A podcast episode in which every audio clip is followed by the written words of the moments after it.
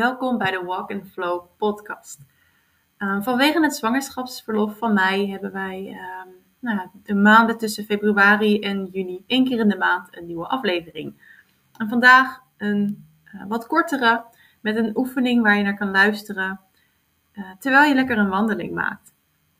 Dus als je nu in de auto zit en je luistert dit of je bent thuis, um, stop hem dan even en ga op een ander moment luisteren. Uh, want het is het fijnst om dit in de natuur te doen. Omdat het gaat om zes lessen uit de natuur. Um, en je ze direct eigenlijk kan ervaren en uh, toepassen. Dus veel plezier ermee. Wandel de eerste paar minuten gewoon even in stilte. En wees je bewust van je ademhaling.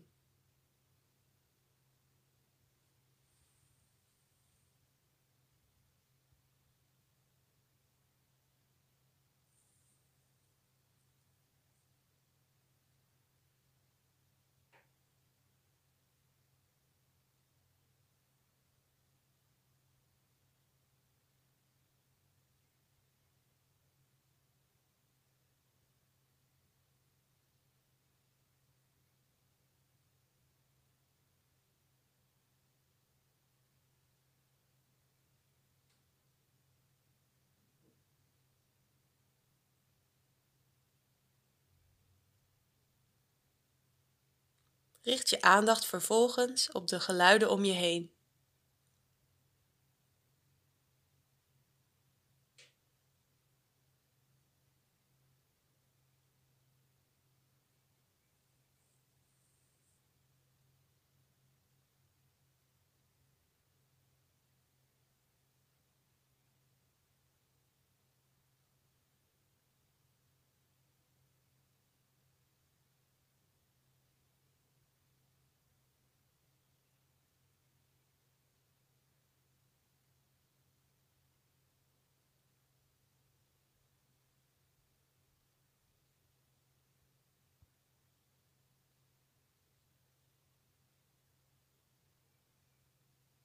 Misschien zijn er wel allerlei geuren die je nu bewust opmerkt.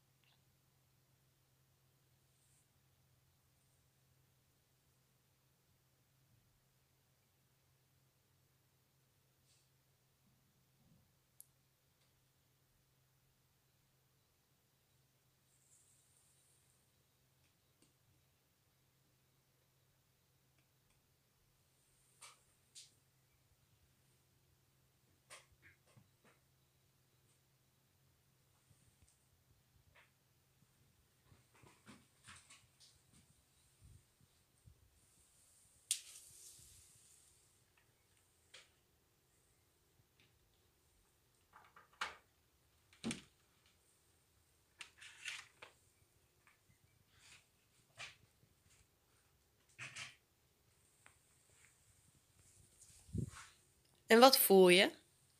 Zowel van binnen, je gevoelens of emoties, als ook van buiten, bijvoorbeeld de wind door je haren.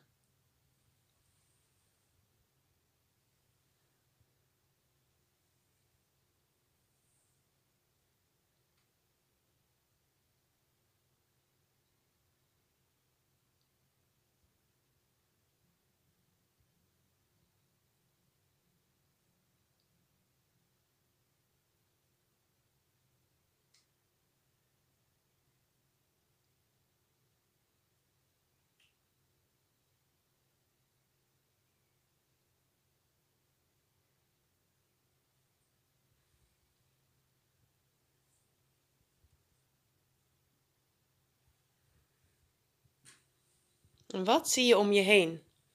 Laat het op je inwerken en wees je bewust van wat je ervaart. Niks is goed of fout.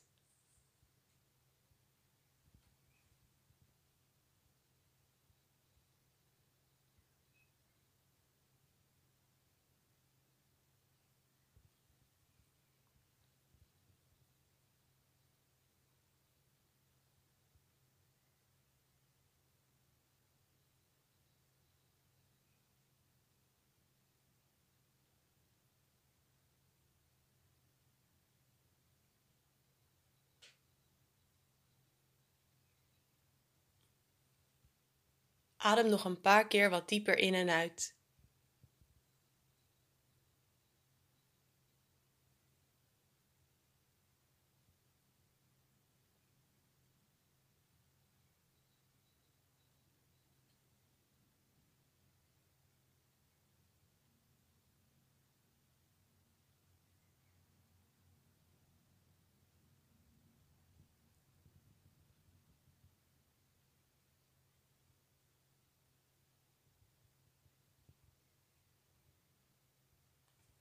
Een tijdje terug schreef ik een blog over zes lessen uit de natuur.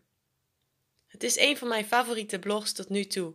Je vindt hem op mijn website mocht je hem helemaal willen lezen. Het gaat dus over de invloed van de natuur op ons mensen.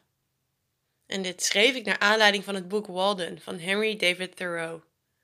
Het zijn de overpeinzingen van een man die besloot in zijn eentje een hut te bouwen in de natuur, bij een meertje dat Walden heet, en daar te gaan wonen, een flink eind van de bewoonde wereld vandaan. Het werd voor het eerst gepubliceerd in 1854. Maar het is, een verbazingwekkend, het is echt verbazingwekkend hoe actueel zijn gedachtegangen zijn. Deze zes lessen die ik uit zijn boek haalde, die deel ik nu graag met je. De eerste is: wij hebben de natuur nodig. Wat als een rode draad door het boek heen gaat, is de fascinatie voor de natuur. Thoreau haalt zijn meest waardevolle lessen uit het gedrag van de vogels, de wisseling van de seizoenen en de insecten binnen en buiten zijn hutje. We hebben het nodig om de natuur met al onze zintuigen te ervaren. Zij nodigt ons hier vriendelijk toe uit. Als je buiten bent, word je als vanzelf bewust van de heerlijke geur van de vochtige bosgrond. Of je hoort een vogel kwetteren. Je voelt de wind tegen je gezicht Terwijl we aan de ene kant snakken naar alsmaar meer kennis, verlangen we aan de andere kant naar het mysterieuze en het onontdekte. Dat is waarom natuurverschijnselen als een ruige kust, de donder en bliksem of een donker, ondoorgrondelijk bos ons zo kunnen verwonderen. Zoals Thoreau schreef: We need the tonic of wildness. We can never have enough of nature. Les 2. Leef in het nu en wees optimistisch. Thoreau was zijn tijd ver vooruit met zijn gedachten over mindfulness. We should be blessed if we lived in the present always. We loiter in winter whilst it's already spring. Oftewel, we hangen rond in het verleden, terwijl we de ontluikende knoppen en bloemen van het heden niet eens zien. Velen van ons vinden het momenteel het heden niet zo prettig. Volgens Thoreau moeten we gebruik maken van iedere situatie die we zelf als negatief bestempelen. Haal er je lessen uit en doe er je voordeel mee. Misschien heb je nu wel tijd om een creatief project op te pakken. Of om eens een spelletje te spelen met je gezin. De derde les. Wees tevreden met wat je hebt en waar je bent. Het heeft geen zin om te vergelijken. Met name op het materialistische vlak zijn er altijd mensen die het beter getroffen hebben dan jij. Maar wat doet het er werkelijk toe? De ondergaande zon wordt net zo helder gereflecteerd door de ramen van dat fletje op acht hoog, als die van in het landhuis van de rijken. De sneeuw smelt in het vroege voorjaar net zo snel weg. Je kunt net zo tevreden en gelukkig zijn in een klein appartement als in een paleis. Het gaat niet om die oppervlakkige uiterlijkheden. Ware rijkdom zit van binnen. Houd dus van je leven, hoe de omstandigheden ook zijn. De vierde les. Richt je aandacht, je blik naar binnen. Mooi aansluitend op de derde les is het volgende gedicht dat Thoreau in zijn boek heeft opgenomen. Direct your eye right inward and you'll find a thousand regions in your mind, yet undiscovered, travel them and be expert in home cosmography. Dat woord kan ik niet uitspreken. Vrij vertaald, richt je oog naar binnen en je zult vinden duizenden gebieden in je geest, nog onontdekt. Ga op reis en wees een deskundige op het gebied van de innerlijke kosmografie. Dat laatste woord moest ik ook echt even opzoeken. Het is een term uit de 16e eeuw voor de algemene wetenschap die de globale kenmerken van het heelal, zowel hemel als aarde, omschrijft en in kaart brengt. Tegenwoordig valt het onder de astronomie, geografie en geologie. Zeker nu is er veel tijd voor die reis naar binnen. Deze is minstens zo indrukwekkend en vernieuwend als de reis naar buiten. Thoreau spoort aan: Wees een Columbus op weg naar nieuwe continenten en werelden in jezelf. Nieuwe wegen bewandelend, niet die van de handel, maar van het denken. We mogen ons huis dan wel niet uit, maar de wereld in jezelf is oneindig groot. De vijfde les. Volg je dromen. Als je kastelen hebt gebouwd in de lucht, is je werk niet voor niets geweest. Dat is waar ze behoren te zijn. Nu moet je het fundament eronder zetten. Durf jij nog te dromen? Of gaan je gedachten gelijk met je aan de haal? Zoals: is dat wel realistisch? Kan ik dat wel? Of ze zien me al aankomen. Dit zijn allemaal beperkende gedachten. Ik heb zelf ervaren wat die gedachten doen. Ze houden je op je plek, waar het veilig en vertrouwd aanvoelt, maar ondertussen ben je er niet tevreden. Thoreau moedigt je aan om wel te dromen en daadwerkelijk stappen te zetten in die richting. Want als je hoog inzet, dan kom je verder. Ken je die uitdrukking? Shoot for the moon and if you miss, you will still be among the stars? Denk, denk eens lekker out of the box. En denk eens na over alles waar jij van droomt. Als je thuis bent kun je misschien een lijstje maken of een mindmap of een moodboard. Deze coronacrisis is een uitgelezen kans om weer te dromen. De laatste les. Je bent nooit alleen. Ik twijfelde of ik deze ook moest noemen, maar ik doe het toch. Het raakt namelijk aan het spirituele en het religieuze. Voor mij is geloof een prachtig houvast, maar ik wil niemand iets opdringen. Kijk dus gewoon wat jij eruit kunt halen. Thoreau kon kijken naar de natuur en daarover mijmeren als geen ander.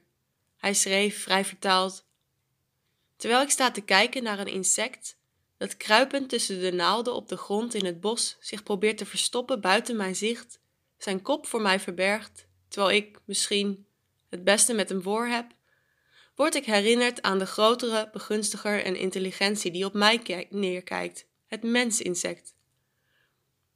Nou, dat is een beetje wollige en ingewikkelde taal, maar goed, die man kwam ook uit de 19e eeuw. Maar de boodschap vind ik prachtig. Soms ben je zo aan het worstelen, vechten en je best aan het doen. Het voelt alsof je het allemaal alleen moet zien op te lossen. Moederziel alleen, je kent dat gevoel ook vast. Geen fijn gevoel. Juist dan is het een vertroosting om te bedenken dat je er niet alleen voor staat. Nooit. Momenteel zie je bovendien, bovendien zoveel mensen opstaan en iets doen voor een ander. Denk aan initiatieven als Niet Alleen of Nu Tijd voor Actie. Mij geeft dit hoop en perspectief.